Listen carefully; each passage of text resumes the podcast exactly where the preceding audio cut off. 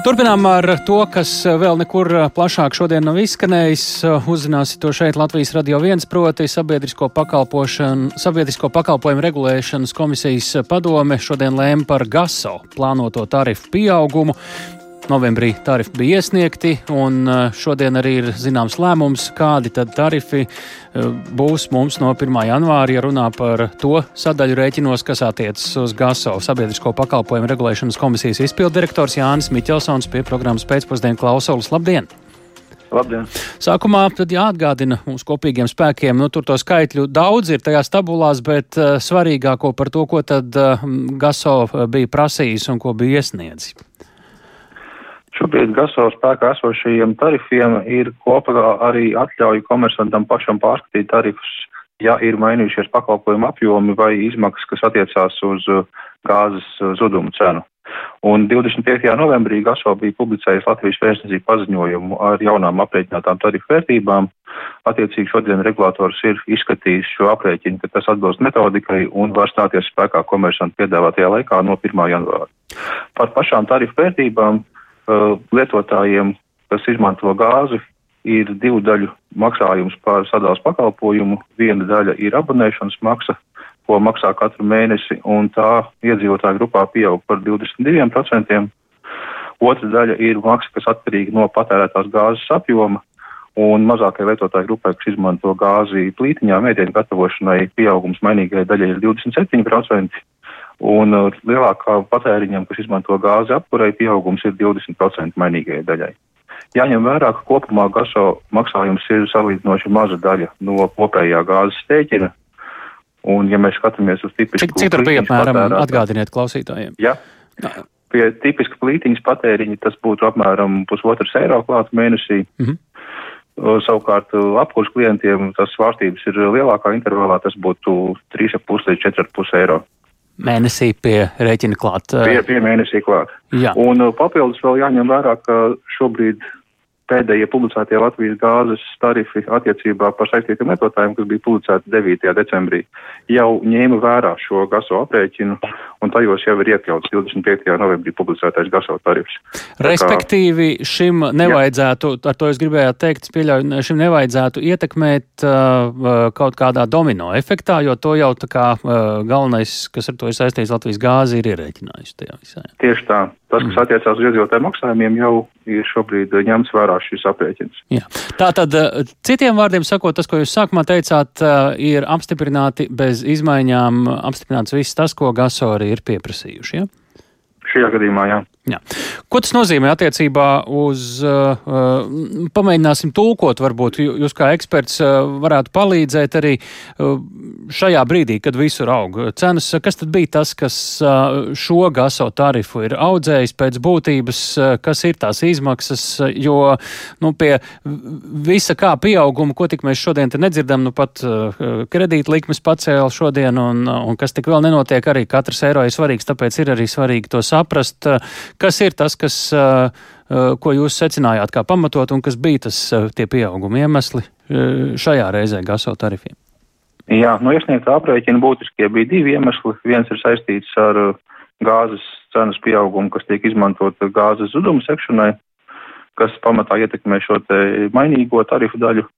Un otrs attiecās uz kopējā gāzes apjoma samazinājumu, kas ir piegādās lietotājiem iepriekšējā periodā kas nozīmē, ka tās fiksētās izmaksas tiek sadalītas uz uh, mazāku atlikušo apjomu, attiecīgi tad no tā pieaug arī šis te maksājuma fiksētais, fiksētais daļa.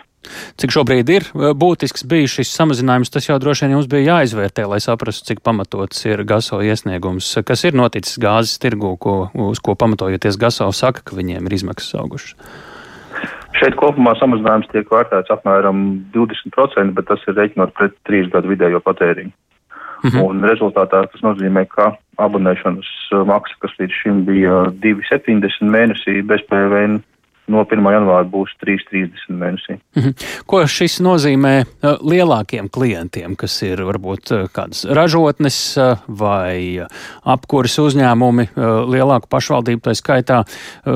Šeit tas uz iedzīvotāju rēķiniem, uz izmaksām kādu, kādu ietekmi varētu atstāt, ar kādiem skaitļiem jūs to varētu raksturot varbūt, jo, piemēram, daudz dzīvokļu māju apkurē tas varbūt varētu kaut kā pavisam izkust pietiekami patīkami, cik nu tas ir vispār tā var teikt, kas notiek ar uzņēmumiem, jo tie ir lieli patērētāji bieži vien. Mēs pieminējām vienu plītiņu, vienu privātu mājas apkuri, bet kas ar šiem? Attiecībā uz uh, komerclietotājiem faktiski šobrīd lielākā lietotāju grupa ir siltumapgādes komersanti. Līdz ar to pie nākošajām siltuma tarifu pārskatīšanām tiks ņemts vērā arī gaso tarifu izmaiņas Jāsaka, ka izmaiņas atšķirīgām patēriņu grupām ir diezgan atšķirīgas, ņemot vairāk arī tās patēriņu svārstības iepriekšējā periodā ir bijušas dažādas.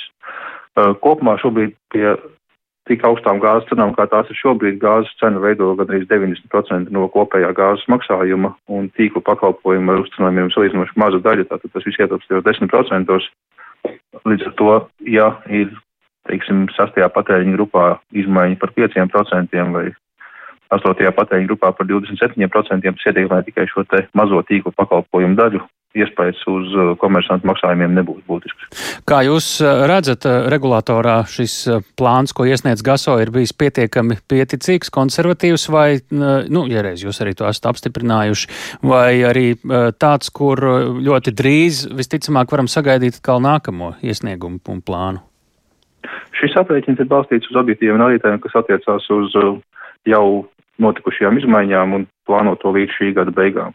Šobrīd PASO ir aprēķinājis, ka tā būtu tarifu vērtība, kas tiks piemērot 23. gada laikā līdz uh, nākošā gada decembrim, kas nozīmē nākošā gada novembrī komersantam būs iespēja aprēķināt jaunas vērtības, skatoties, kā tajā brīdī būs mainījusies gāzes cena un patēriņa apjoms.